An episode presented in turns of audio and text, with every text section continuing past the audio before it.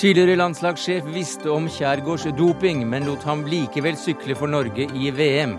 Jeg sviktet som leder, sier Svein Gaute Hølestøl. Hun tok SV inn i regjeringen og ble Norges første kvinnelige statsminister. Finansminister, i alle fall. I en ny bok forteller Kristin Halvorsen om rått parti og hvordan det var å bli kastet på dør av Jens.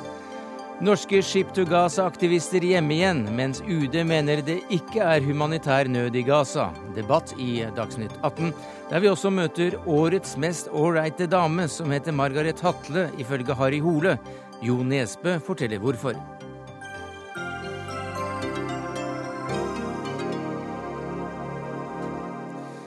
Det er noen av sakene i Dagsnytt 18 denne onsdagen, der vi også blir med forfatteren Morten Strøksnes på jakt etter dop i Sierra Madre. Men vi begynner med doping på to hjul, for i går innrømmet altså landslagssjef og nå permittert sportssjef i Norges Sykkelforbund, Steffen Kjærgaard, at han hadde dopet seg som proffsyklist siden 1999.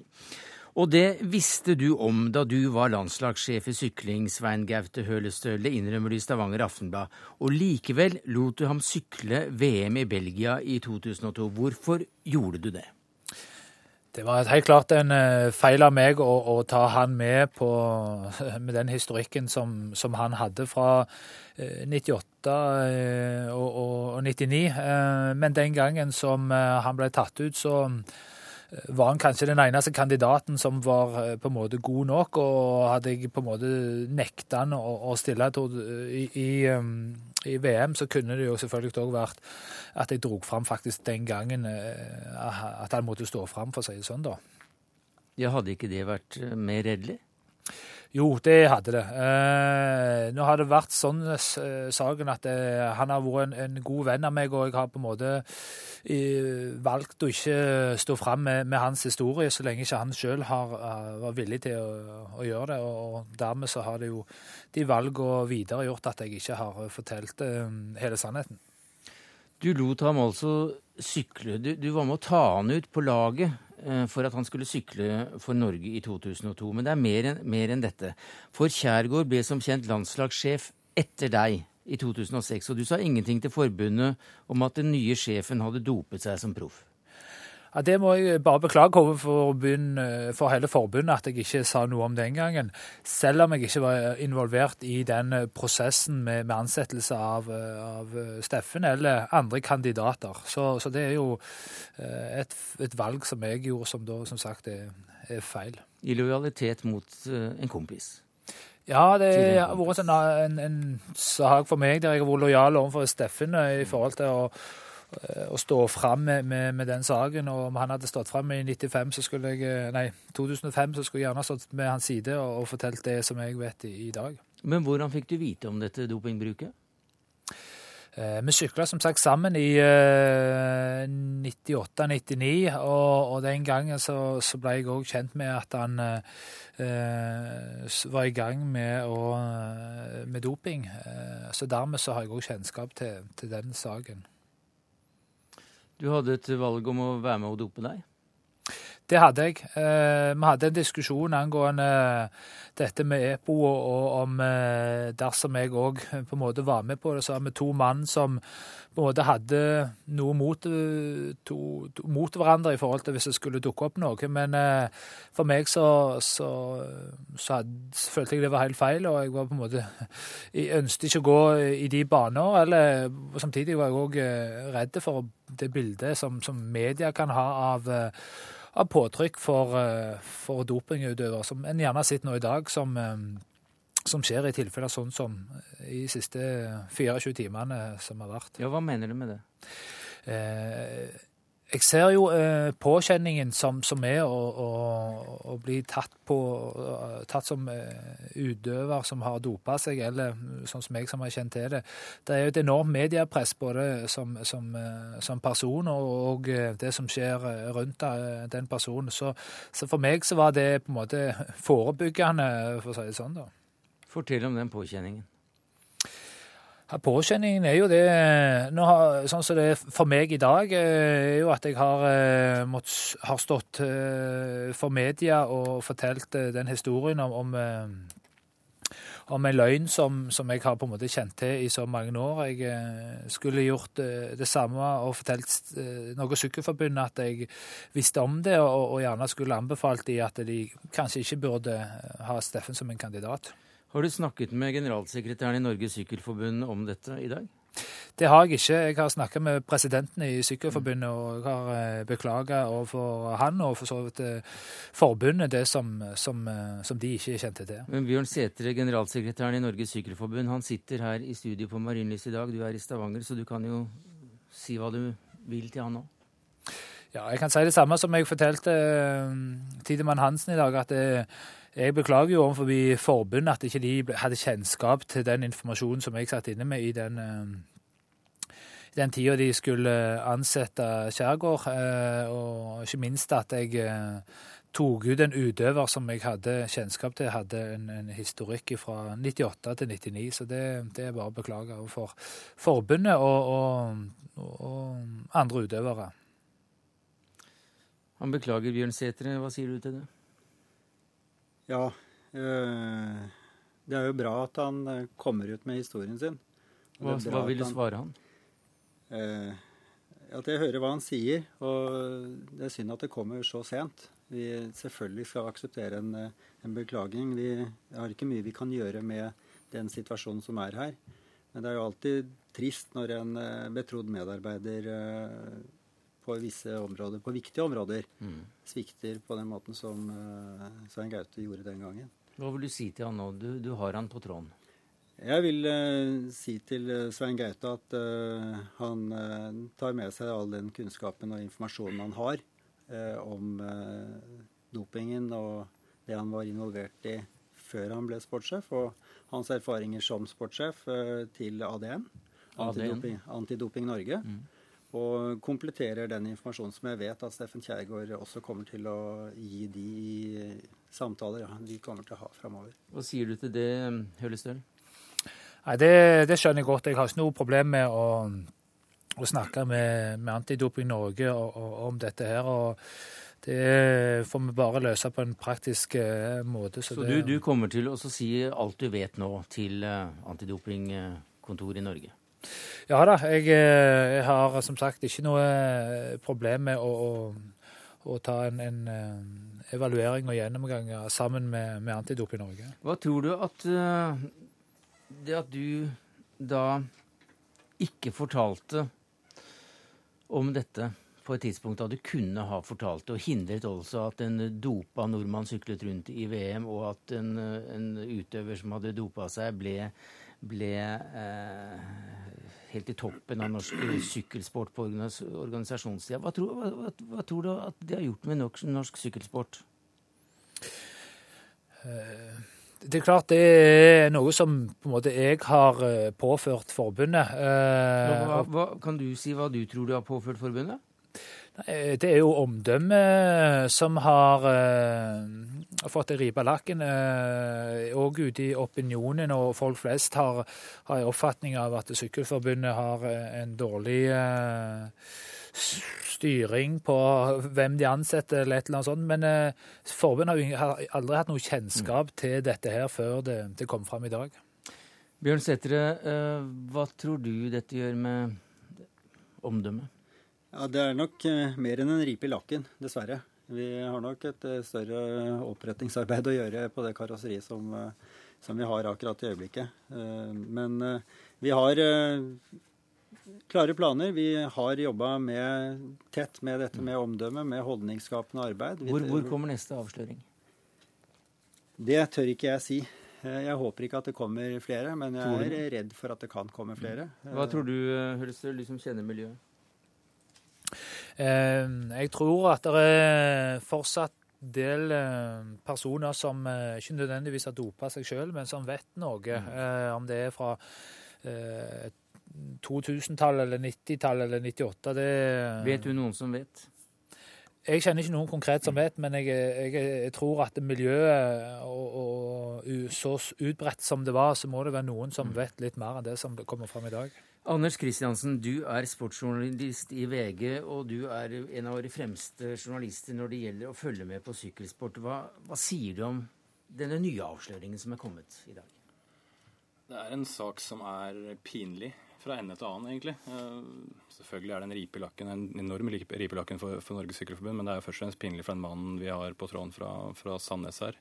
Uh, han har altså først ikke sagt noe om Steffen Kjærgaard når han har vært landslagssjef. Han visste at han var dopet. Så tok han han ut til VM, angivelig uten å stille spørsmål ved hvorvidt han fortsatt dopet seg.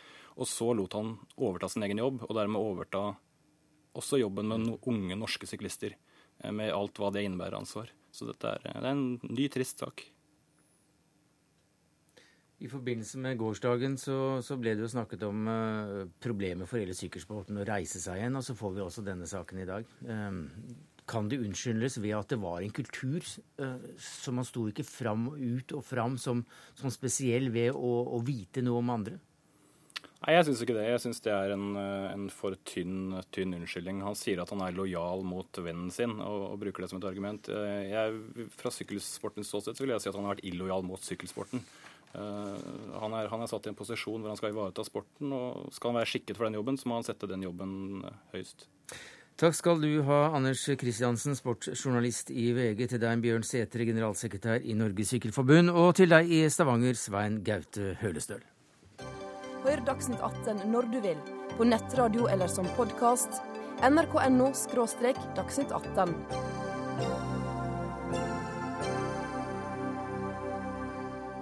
I dag har forfatter Jo Nesbø gitt bort en halv million kroner igjen, og til årets mest ålreite dame denne gang gjennom Harry Hole-stiftelsen. Hva slags pris er dette, Nesbø?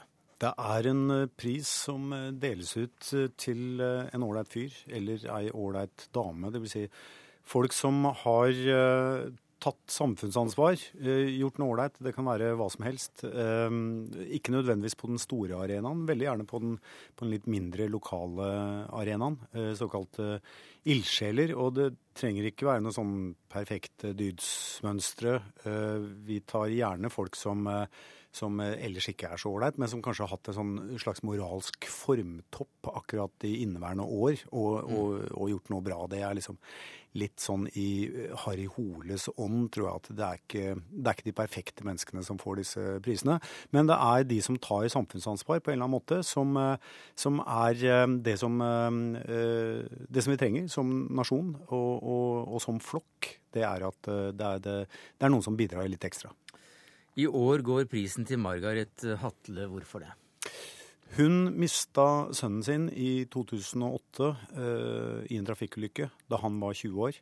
Eh, hun kunne selvfølgelig gjort det som ville vært veldig menneskelig, og, og eh, på en måte gravd seg ned og, og eh, privatisert sorgen sin. Hun gjorde det motsatte. Hun gikk ut i lokalsamfunnet og snakket med ungdom om eh, trafikksikkerhet og om eh, bilkjøring. Og det gjorde et veldig sterkt inntrykk eh, på, eh, på, lokalsamfunnet.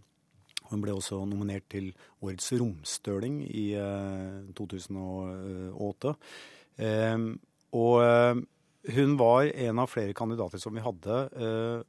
Men det, det var et eller annet med historien hennes som gjorde at mm. vi, vi, vi var ikke i tvil i, i styret, så vi valgte henne. Margaret eh, Hatle, gratulerer med utnevnelsen som eh, årets mest ålreite dame. Tusen hjertelig takk. Fortell om det du har eh, gjort etter at du mistet sønnen din. Det at de har vært åpen.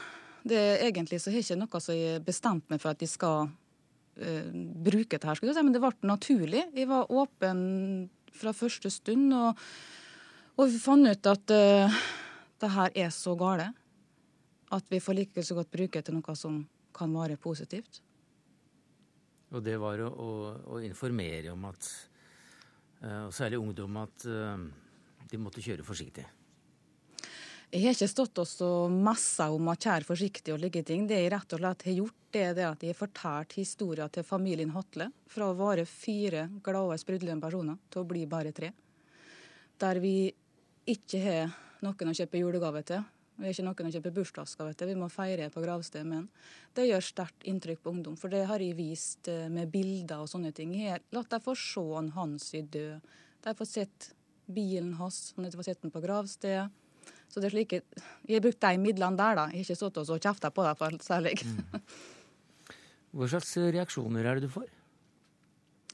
Jeg har fått eh, egentlig bare positive reaksjoner, men eh, jeg har òg tenkt at eh, er det rett det jeg gjør? Det har vært rett eh, for, for meg.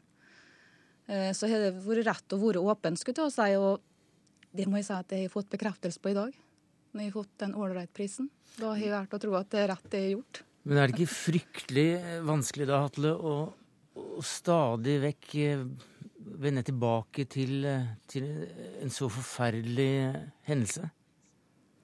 Eh, mange sier at eh, blir det ikke nok, men eh, jeg velger å se det positive til det. Eh, minnet av Hansi lever fortsatt. Du skal ikke beholde disse, disse pengene selv, men eh, for å være med på å bestemme hvem som skal få dem. Og i år så valgte dere altså da dette skoleprosjektet i Zimbabwe. Ja, det var noe som vi kom fram til eh, Vi har i Holestiftelsen da, og styret og i. Og vi fant ut at det er et godt prosjekt. Vi vet at alle, alle vet at Redd Barna gjør en god jobb i den tredje verden, så det er de vel unnt å få de pengene.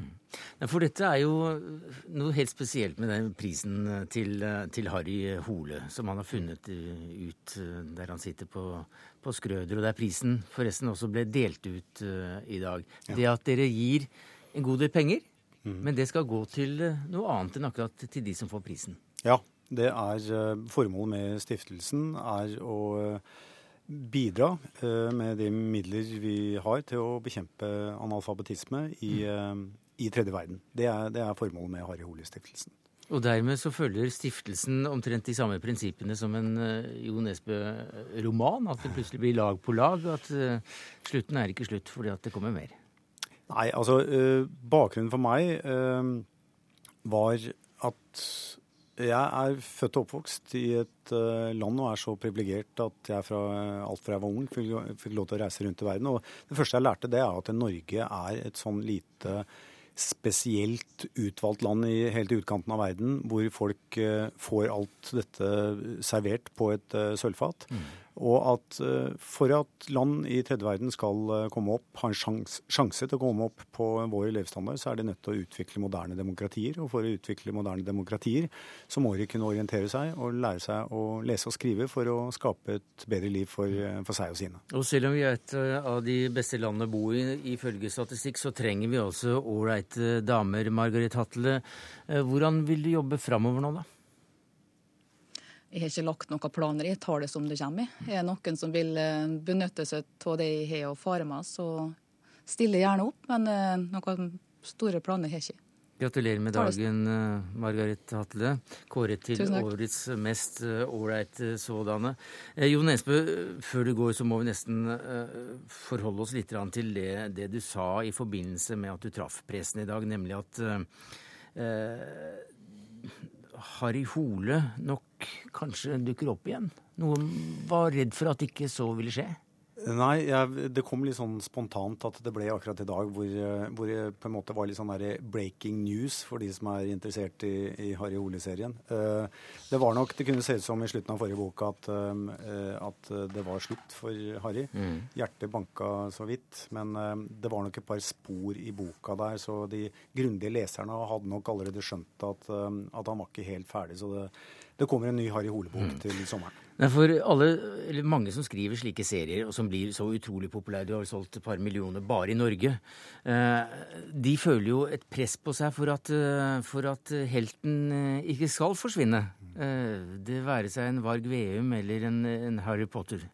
Har du kjent det samme at Nei, eh, du blir frista til å fortsette her? Nei, jeg har ikke det egentlig. Jeg har altså ehm, Jeg har valgt å være helt illojal mot, mot mine lesere. Altså, det er en holdning som jeg, som jeg tviholder på. Jeg har uh, forbeholdt meg retten til å, til, til å skuffe.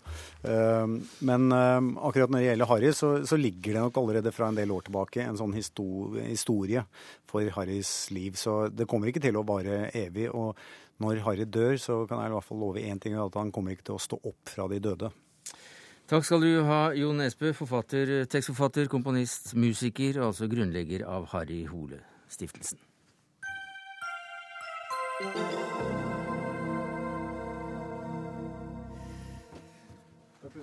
Lasteskipet Estelle ble altså båret av eh, israelske soldater da de forsøkte å nå Gazastripen i helgen. Alle om bord ble som kjent arrestert. I går ble de fire nordmennene som hadde mønstret på seilasen, løslatt, og en av dem eh, var deg, Aksel Hagen, stortingspolitiker for SV. Hvordan opplevde du det som skjedde i Romsjø, selve boringen? Det var skremmende. Eh, du har et sånn vakkert middelhav i 30 varmegrader, og alt er fint på alle mulige måter. Og så plutselig oppdager du at det begynner å nærme seg krigsskip. Fem mm. fregatter og 20 ca. Mindre fartøyer med maskerte soldater, tungt bevæpnet om bord. Som begynner å kretse rundt oss da, og undersøke litt hvor farlig vi er. Vi er 30 om bord på dette eh, seilskipet fra 1920. Og til slutt så kommer det om bord en 40-50 av dem. Altså, da vi snakket med deg på telefonen i forrige uke, da var du om bord i, i, båten. og Da fortalte du at du skulle stå på rekka og ta imot soldatene hvis de kom. Som var den enkleste jobben på mange måter. For ja. uh, når fire står der arm i arm, så er det lett å bare omsverme oss når det er en 20-30 soldater som gikk, gikk om bord på den sida av båten. Så etter en par strømpistoler eller elpistoler mot to av oss, så setter vi oss ned og, og ble slik sett arrestert eller satt ut av funksjon. da. Så det, var, det tok noe lengre tid for de som sto opp og skulle forsvare styrhuset. Mm -hmm. For vi hadde barrikert eh, styrhuset for å gjøre liksom passe motstand. En 30-40 minutter, og det fungerte. Da fikk vi bl.a. tatt bilder, tatt videoer, som vi pussig nok klarte å få ut, slik at nå ligger de ute på nettsida til Ship to Gaza og beviser at dette ikke var en mm. fredelig aksjon, men en ganske så militant aksjon. Dramatisk? Ja, den er jo dramatisk. Eh, hvis folk går inn og ser på den nettsida, så tror jeg det. Altså se soldater maskert på den måten, så tungt bevæpnet. Jeg tror de fleste vil si det er dramatisk. Men Hagen, eh, UD mener altså, som du godt vet, at ikke det er noen humanitær uh, nødsituasjon i Gaza. Så da er det vel ikke så nødvendig å seile dit? Jeg har ikke jeg har akkurat kommet med at det har vært frakoblet i ti dager, så jeg vet liksom ikke hva Nei, men Da får du høre hva vi sier. ja, men nemlig, nemlig at der er vi uenige. Det er, det er i hvert fall uttalt i avisen at uh, UD sier at det ikke er noen humanitær uh, krise i Der er vi uenige, og skal jeg være litt sånn bestemt, så syns jeg det nesten tyder på at UD ikke er helt oppdatert på det som har skjedd, ikke minst i år.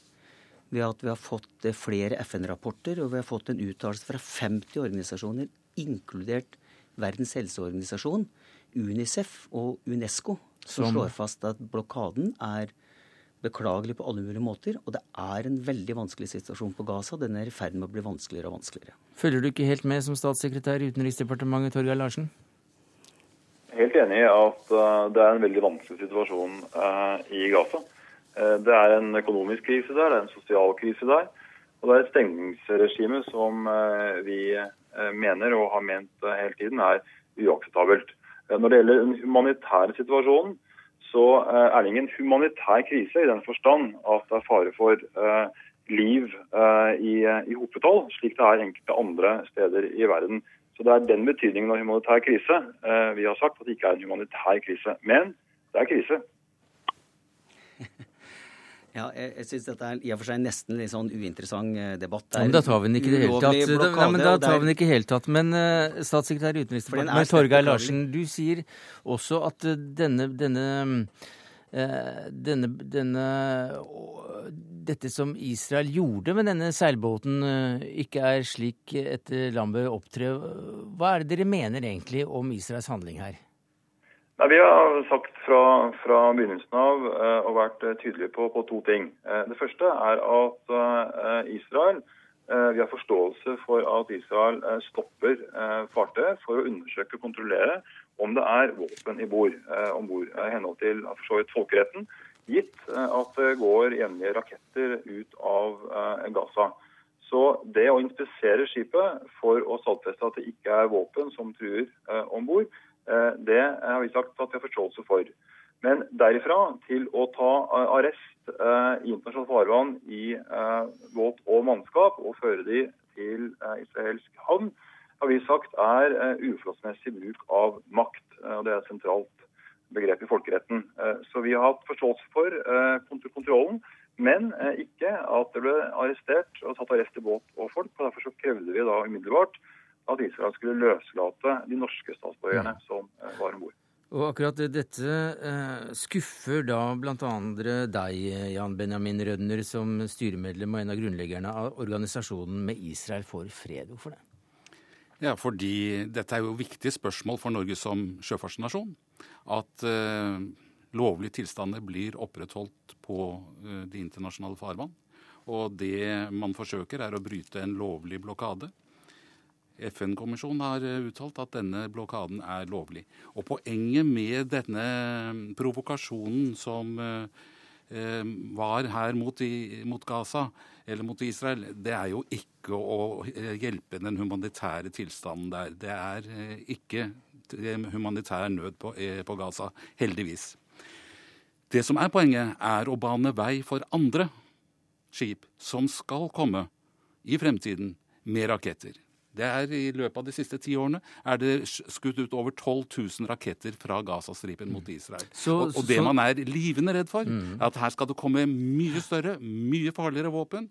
Og det vil virkelig føre til en eskalering i, av, av situasjonen i Midtøsten. Slik sett skjønner jeg ikke hvorfor man driver med sånt noe hvis man skal gå under humanitær, eh, at det skal være humanitær bistand. Men, men, la oss holde oss til det lovlige når det gjelder blokaden ja. til å begynne med her. Hva sier du til, eh, til Fred for Israels svar her, Torge mm. Larsen? Eh, Norge som sjøfartsnasjon eh, er veldig opptatt av havretten og folkeretten til, til, til sjøs. Og Den legger vi til grunn når vi sier at det er en, en forståelse for Israels Eh, rett folkerettslig til å inspisere og kontrollere om det er ulovlige eh, våpen eh, om bord, gitt situasjonen på Gaza. Derifra er det et helt sentralt folkerettslig prinsipp forholdsmessig bruk av makt. Og det i internasjonalt farvann å gå umiddelbart til det steg å arrestere folkene om bord og båten og frakte, den, frakte folk til Israel, det har vi sagt er uforholdsmessig bruk av makt. Mm. Eh, man kunne ha advart, man kunne gjort en lang rekke andre ting i, i internasjonalt farvann, men velger da å arrestere umiddelbart. Derfor har vi sagt at det mener vi, eh, jeg nevnte folkeretten, ikke er en rimelig mm. bruk av makt. Eh, derfor var vi da veldig raskt ute og krevde umiddelbar løslatelse av de norske statsministrene. Ja. Det er, ikke, det er ikke, noen uh, uforholdsmessig bruk av makt her. Man må ta disse båtene til land, så man kan undersøke dem skikkelig. Uh, det er viktig at man gjør det, og gjør det hele tiden. For man vet aldri når den provo provokasjonen ikke lenger bare er en provokasjon, men faktisk er forsøk på å gjennomføre terrorisme. Bare nevne at i 2002 kom Karine A inn mot uh, Rødehavet. De hadde med seg eh, last på 50 tonn med raketter osv. Ble oppbrakt mm. av den israelske marine i internasjonalt mm. farvann. Og det er det, det, slike situasjoner man ønsker å få igjen. Ja. Dere kan ikke mene at det trengs fem fregatter og, og 20 militære uh, båter i, i, tillegg for å ta oss på den, på den seilbåten. En seilbåt som dere vet hele tida Eh, ifra en drar fra Sverige, og den inneholder last. Såpass god etterretningstjeneste har dere. Men det viktige her Nei, Et øyeblikk, vi får svar på det. Det virket ja. kanskje litt i overkant? Ja, det kan det være. Prøv deg på å gjøre et eller annet, og, og, og norsk eh, politi kommer inn. De kommer ti mann for å ta en, eh, en, en stakkars syklist. Det, det, er jo sånn det, det, ja, det, er jo sånn øvrigheta be, beter seg. Og hvorfor det? Jo, fordi at hvis man har stor overmakt, så vet man at da blir det ikke eh, alvorlige episoder av det. Det er når man kommer med liten overmakt at det mm. kan bli virkelig farlige forhold. For deres Så det var også for å beskytte dem. Ja, absolutt. Mm. Dette er bare absurd. Men det viktige diskusjonen her er at hele verden her mener at vi har her med en blokade å gjøre, som noen mener er ulovlig, kanskje flere og flere, og alle er enige om at den er uheldig. Og der står Israel nå snart helt alene i verden, og det er ikke riktig at, at FN sier at dette er en grei blokade. Jeg har senest en uttalelse fra en visegeneralsekretær 13.6 som sier at det er veldig viktig at blokaden umiddelbart blir fjernet. For her er det helt essensielle eh, aktiviteter, altså velferdsfunksjoner eh, på Gaza. Eh, og økonomien, ikke minst, som gjør at dette som, som, fullstendig liksom klapper sammen. Det er ikke mulig å drive vettug samfunnsutvikling på Gaza pga. den blokaden. Men den blokaden er der, og den opprettholdes, og den er det en debatt om takket være Aksel Hagen her i studio og Jan Benjamin Rønner i studio, og Torgeir Larsen, som er statssekretær i Utenriksdepartementet, på telefonen. Beklager en annen gang. Hjertelig velkommen.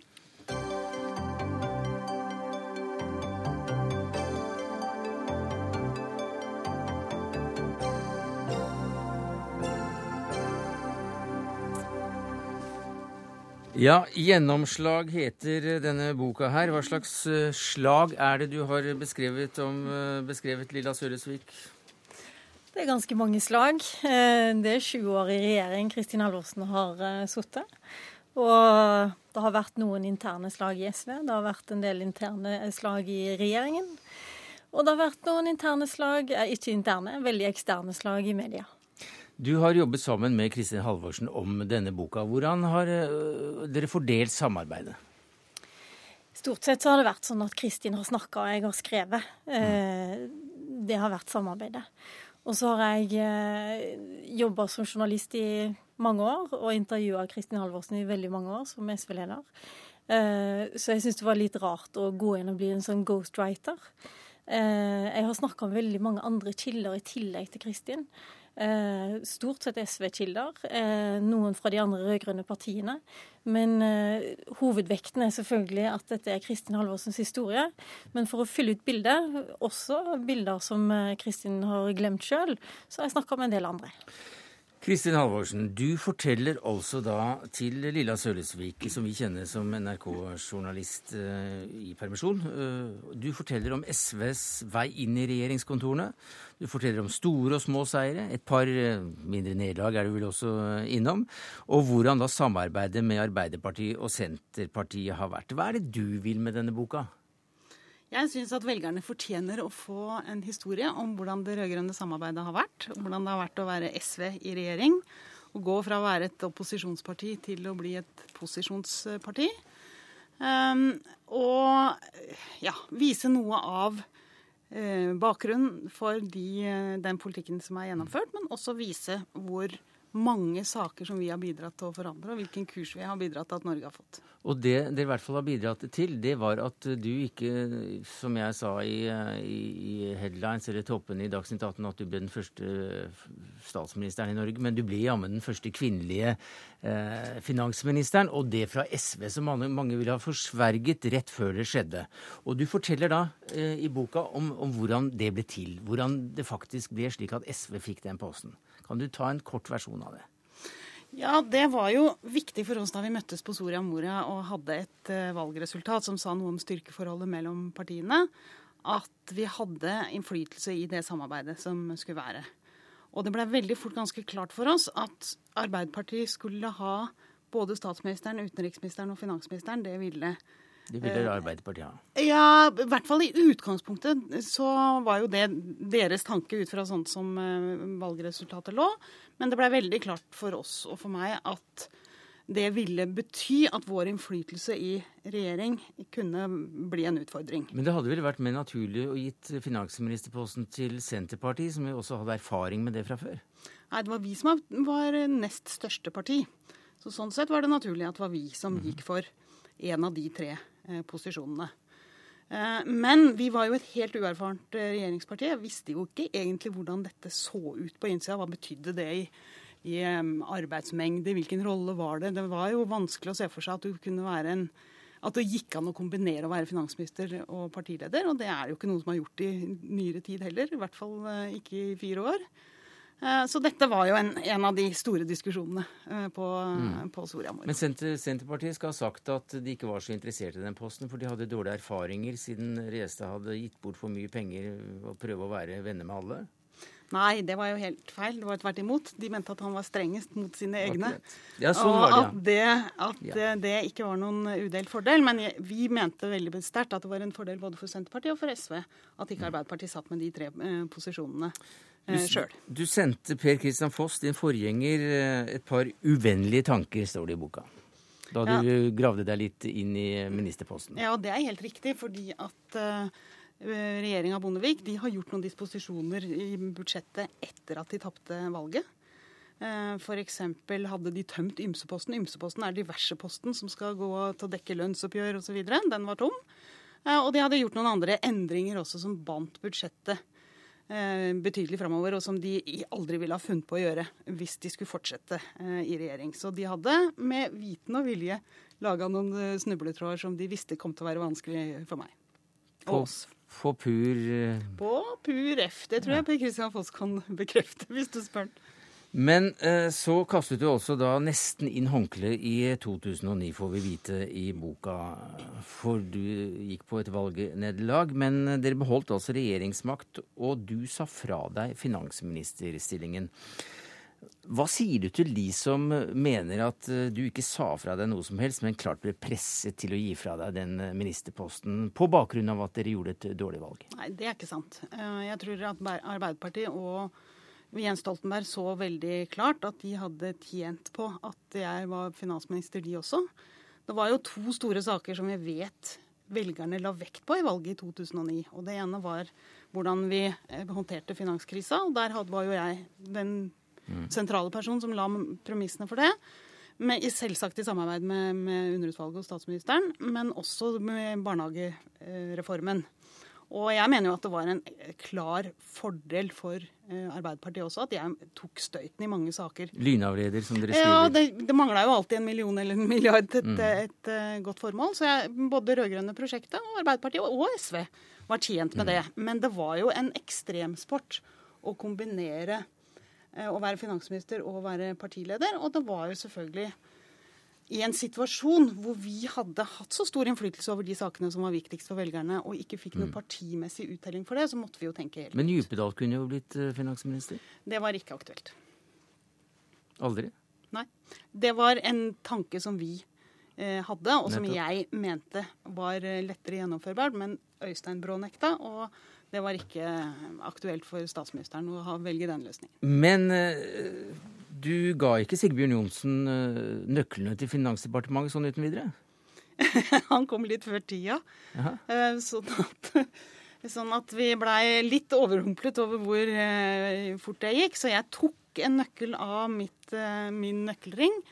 Ga den til rådgiveren min, som stappa den i lomma. Der lå det en pris med snus, for han ble også tatt litt på, på senga. Vi marsja inn for å overlevere nøkkelen til Sigbjørn Johnsen, og han fikk tørka snusen av nøkkelen og ga, og jeg ga den høytidelig til Sigbjørn Johnsen. Ja. Når jeg kom ut, så tenkte jeg var det riktig nøkkel jeg hadde gitt? Eh, og så måtte vi prøve den jeg hadde igjen på nøkkelknippet da i døra, og da hadde jeg gitt Sigbjørn Johnsen husnøkkelen hjemme. Ja. Du beskriver gode tider i regjeringen, men også at det gikk ganske hardt eh, for seg. Hvordan var tonen mellom deg og statsministeren som eh, utløste det boka vel omtaler som en halvdags regjeringskrise? Nei, ja, Det var etter en diskusjon om eh, monstermastene. Ja. Eh, den hadde vi jo slitt med hele våren. Eh, og, og jeg syns jo at det var et stort paradoks at vi klarte å stille oss sånn at det området som mangla strøm, nemlig Bergen, som lå midt i Hordaland, der, den, der ledningene måtte gå gjennom, at ikke vi kunne presentere den saken med de dilemmaene det var, på en sånn måte at folk fikk en forståelse for hva slags avveininger som var gjort. Og det var en veldig stemning i Hordaland på den tida om at i Oslo skjønte vi ingenting av hva som foregikk, og de blei nedprioritert.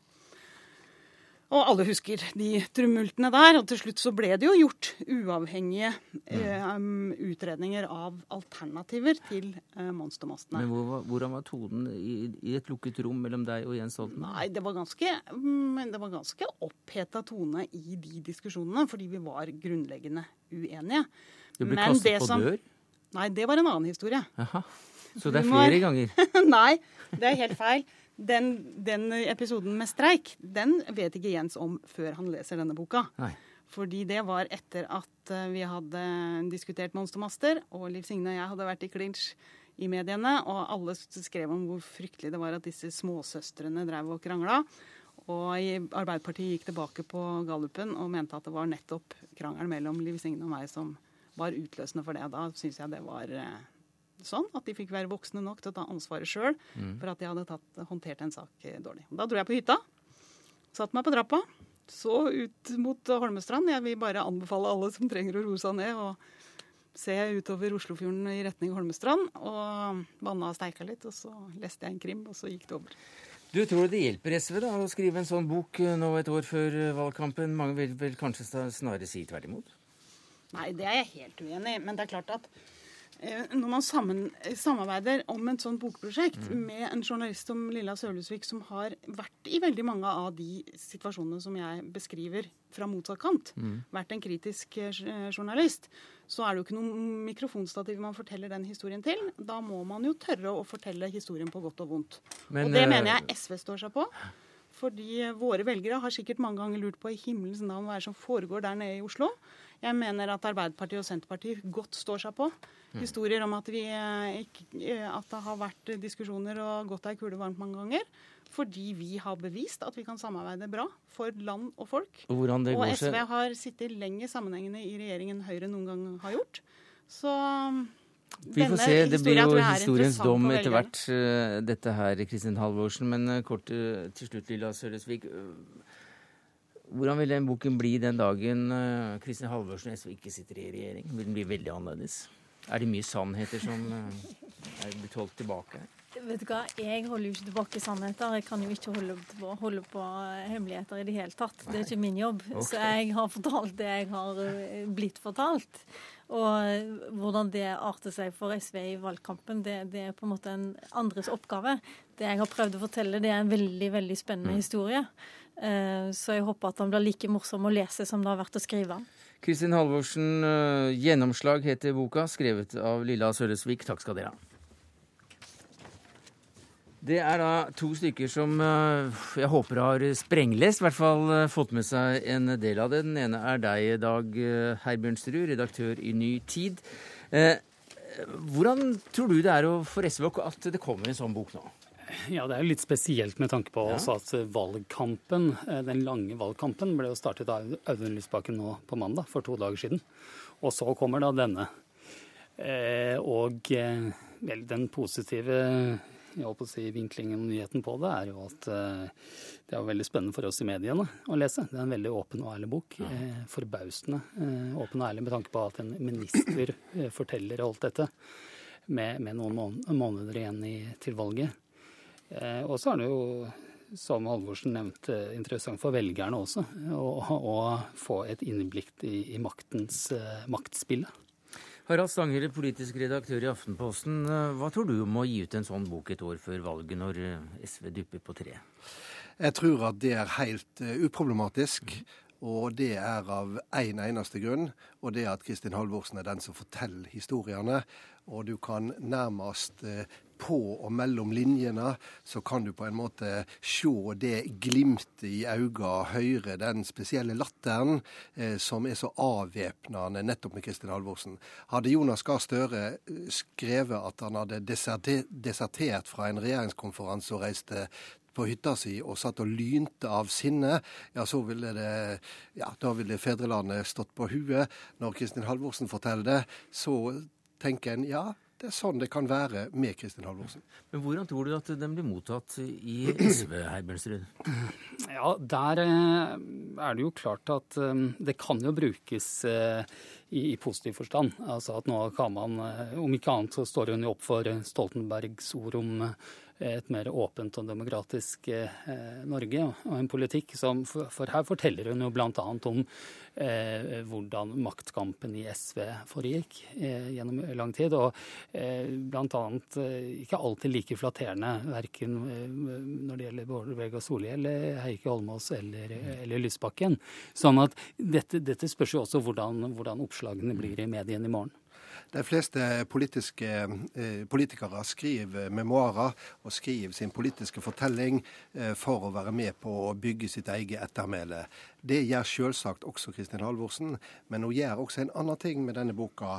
Hun leverer ei bok som ifra tittelen og til side 451 er et entusiastisk og kompromissløst forsvar for SVs regjeringsdeltakelse. Det er så å si hennes politiske trusbekjennelse. Og slik går hun rett inn i den debatten som går føre seg på grunnplanet i SV, mm. om eh, de har tålt som parti disse sju åra. Men hva da med, med, det som pressen til nå har funnet mest pikant? Altså historiene om hun og Jens på et rom der de skjeller hverandre ut, og hun som smeder i døra og drar på hyttetur.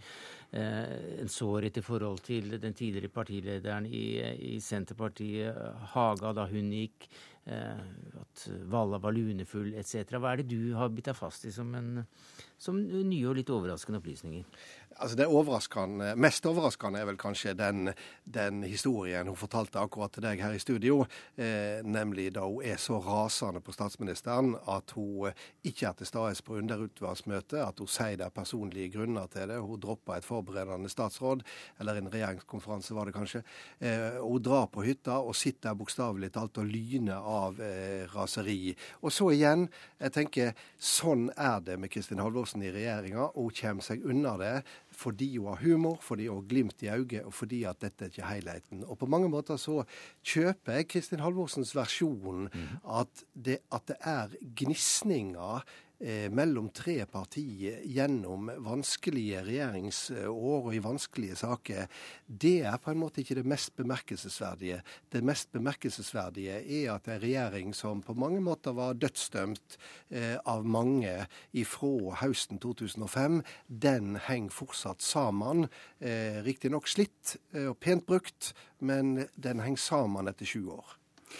Og eh, Stangel har eh, flere gode poenger her. sånn det er helt klart. Eh, samtidig så, Og en absolutt veldig god bok, utvilsomt. Men samtidig så, så, må vi også tenke at dette har en god del effekt også for andre enn kun Halvorsen og hennes imagebygging. Dette har også mye å si, ikke minst for hvordan Lysbakken skal bygge seg opp, eller Heikki Holmås for den saks skyld. Det kom jo bl.a. fram at hun heller ville ha Bård Vegar Solhjell enn en Heikki Holmås inn som leder da det var snakk om at Lysbakken Lysbakken han faktisk eh, ville trekke seg i våres. Men det var under forutsetning at Lysbakken måtte trekke seg, og da måtte de finne ja, ja. en annen løsning. Ja, jo, han... Så kommer det også fram at eh, Lysbakken jo også ville det. ikke sant? Og så var det kona hans kommer det fram her nå også, som eh, jo fikk han til å velge denne mellomløsningen. Så, så, her ligger det Det som er det helt uvanlige her, sånn, det er jo nettopp at dette kommer midt i oppkjøringen til valgkampen. Men det mest bemerkelsesverdige av alt, det er at det var finansråden i Finansdepartementet som til sjuende og sist fikk det avgjørende ordet da Kristin Halvorsen trakk seg som finansminister, Aha. fordi hun ikke kunne kombinere eh, flere år eh, som partileder og finansminister. Da er det altså departementets øverste embetsmann hun går til og får det siste og avgjørende rådet. Takk skal du ha, Harald Stanghelle, politisk redaktør i Aftenposten, og Dag eh, Hermjørnsrud, redaktør i Ny Tid, som også snakket om denne Kristin Halvorsen-boka 'Gjennomslag'.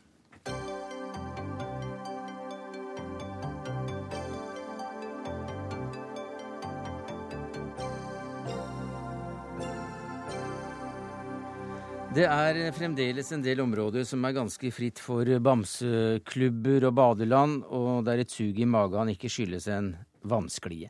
Du har i hvert fall skrevet deg gjennom noen slike områder, Morten Astrøksnes. Hva er det du gjør i årets bok? Hvor tar du oss med?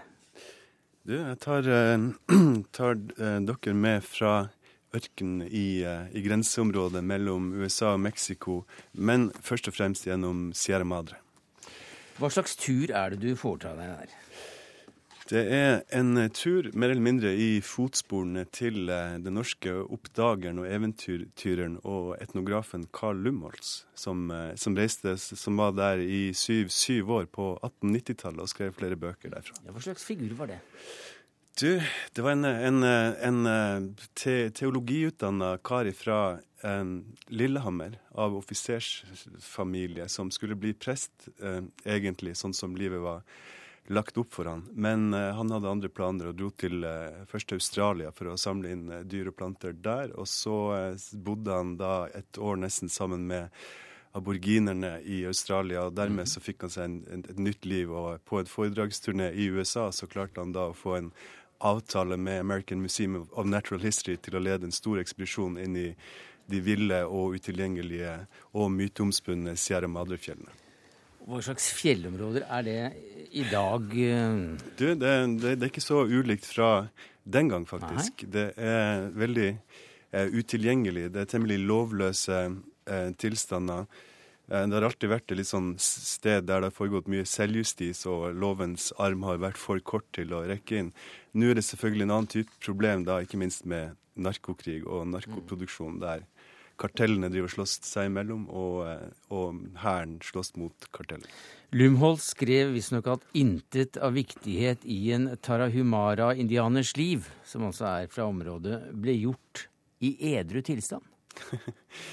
ja, altså Tarahumarene er det en av de folkene som jeg da oppsøker og er sammen med, som bor lengst inne i Sierra Madre-fjellene. Og de, eh, Det han henviste til da, det er tescuino, som, eh, som, det kalles. Som en slags gjæra maisøl de drikker i bøtter og spann, bokstavelig talt. Ja, Fra ung alder, sier, sier han, så ja. drikker de seg absolutt sanseløse. Ja, altså det har en religiøs og sosial funksjon. Det er sunne folk, og, og også verdens beste langdistanseløpere. Så um, um, det er deres på en måte um, det er et sosialt lim, og de, de, de, klarer seg fint selv om de drikker mye av dette. Det er veldig svakt.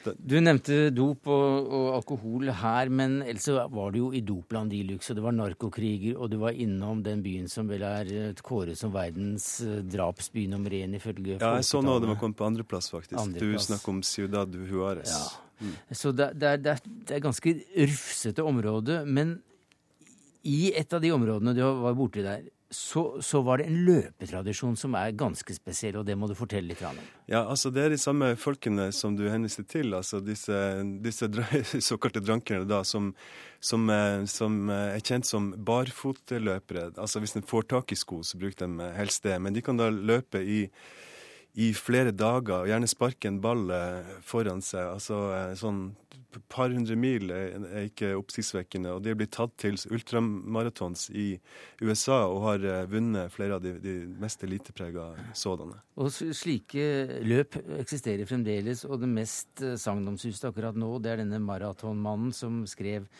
en legendarisk bok, 'Born to Run'. Ja.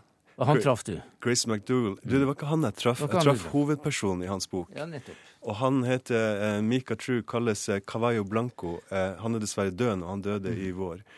Men det, det, var han som, som arrangerte de første løpene, og som sagt da en hovedperson i McDougalls bok. Nå, bok. Nå må jeg også få legge til, Han var ikke spesielt godt fornøyd med den boka, Micah, Micah, Micah True, pga. måten han ble portrettert på. Og også pga. hvordan den boka da til mm. Chris McDougall, som skulle være et angrep på den eh, kom kommersielle løpekulturen, er blitt fullstendig oppslukt av den. Jeg ser han er i byen her nå faktisk i dag. Ja, og For, nå er han på, kommet på norsk. 'Født til å løpe', ternekast seks i VG. Ganske enkelt den beste boka du noensinne vil lese om løping, ifølge Rough Guy. Drivende god ifølge The Times. Og det går an å skrive underholdende bøker om dette området som du har vært i nå.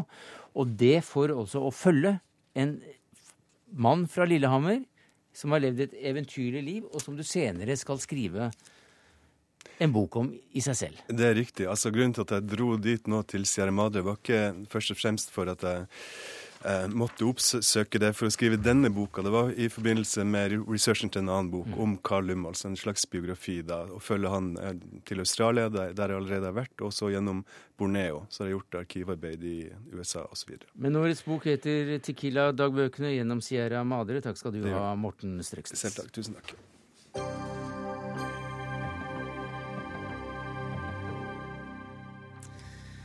Den amerikanske forretningsmannen, mediefenomenet og milliardæren Donald Trump har varslet avsløringer om president Obama. Og nå for en knapp time siden kom kontrabeskjeden.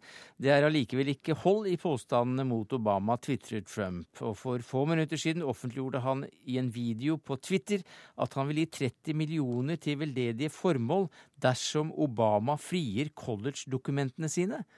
Dette her høres utrolig uryddig ut, eh, Eirik Bergesen. Du er skribent, og du har også jobbet som diplomat ved den norske ambassaden i Washington DC. Hva er det som skjer her? Eh, på mange måter er jo dette et sånn siste forsøk da, fra la oss kalle det Romney støttespillere. Det er kanskje ikke støttespillere Romney ønsker seg, men iallfall de som ser seg selv som det, som prøver å hjelpe han eh, i det de oppfatter som en siste desperat forsøk for å få han valgt som amerikansk president. Eh, så viser det seg da at dette handler, eh, som det ofte gjør, mer om Trump selv eh, enn om Romney og valget. Og det vi ser i dag, er kanskje litt vanskelig å tolke. Men hvis man ser litt snur litt på det, så er det han sier, er jo nesten at han ønsker å holde unna fem millioner dollar fra veldedighet hvis ikke Obama kommer på banen. Så det er jo ganske vulgært utspill av Trump. Ja, Hva slags papirer er det Hva kan vi finne i de papirene da, fra, fra Obamas studiedager? Det er altså studiedager, eh, og det er da passøknader. Og det er ikke noe hint eh, om hva det er vi skal finne. Så det er vel et forsøk på, på i tillegg til at eh, man skal snakke om han, å avspore eh, valget. Og det er ganske skummelt, for det er 13 dager igjen. Kanskje går det to dager på dette, og da har Romney 11 dager igjen på å komme eh, ovenpå.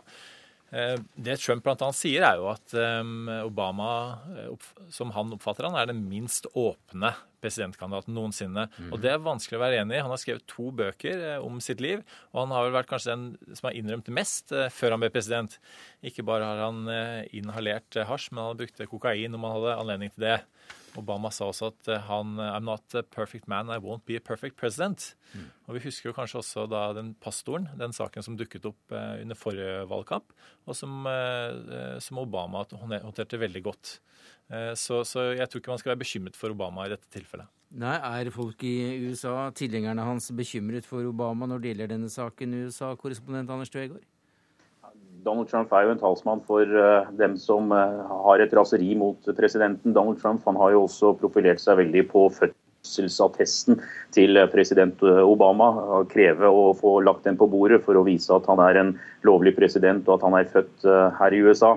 Utspillet nå, Obama-kampanjen har, har, svart at det er, dette kommenterer ikke vi, dette må du snakke med Boston om. Underforstått altså Mitt Romneys hovedkvarter. Eh, Obama har da én eh, uke på seg til å legge fram disse dokumentene. Donald Trump sier at det er mange amerikanere som eh, vil bli beroliget dersom man får brakt på det rene at presidenten har utdannelsen sin i orden og også passopplysningene. Og som han sier, hvis presidenten ikke har noe å skjule, så burde dette være en veldig enkel sak. Bare legg dem ut, vis det til oss, og så skal presidenten få velge hvilket veldedig formål disse pengene skal gå til. Ja, Hva slags sak kan dette bli nå i innspurten av valgkampen? Altså, Donald Trump han er jo en ekspert til å skape blest rundt seg selv. og Først så kalte han det en avsløring, nå var det en kunngjøring. og Dette er uh, politiske kommentatorer her uh, toner det foreløpig ned og, og sier at ja, om de ikke bruker ordet klovn, at Donald Trump er en, er en person som ikke tas Eh, veldig seriøst. Men denne nyheten kom jo også da for eh, en drøy halvtime siden. og Om noen kaster seg på og presser på for å få Obama til å eh, vise f.eks. vitnemålene sine, det, det, gjenstår, det gjenstår mm. å se. Men man tror ikke at dette her vil være oktoberoverraskelsen. Eller dette er ikke oktoberoverraskelsen som det var spekulert i på, på forhånd. Um, nå snakkes det om at, um, da, at, Trump er på en måte en slags klovn. Men vi skal også huske på at senest i april i fjor så ledet uh, Trump på meningsmålingene til republikanerne. Ja. Foran han som nå er presidentkandidat, Romney. Uh, så, uh, så, man skal også være oppmerksom på både da, den posisjonen som Trump har, men også på på the sorry state of affairs i det republikanske partiet. Altså hvor mye de har slitt, mm. Eh, og hvor store problemer de har hatt eh, fram til de nå valgte Romney som kandidat. Bergesen, kort til slutt. Hva tror du Romney sier til eh, dette her? Eh, jeg tror det er hektisk virksomhet også i hans leir. Kanskje, og det er også en spekulasjon, så har han sørget for at det store avsløringen ikke har blitt avslørt. At det som kom nå som en kunngjøring, mm. er en avsporing. Takk skal du ha, Eirik Bergesen, skribent og tidligere diplomat ved den norske ambassaden i Washington DC. Anders Tvegård, vår utenrikskorrespondent som er stasjonert i USA. Det var det vi rakk i Dagsnytt 18 denne onsdagen, takket være ansvarlig for det hele Ida Tune Øritsland. Det tekniske ansvaret hadde Hanne Lunås. Jeg heter Sverre Tom Radøy.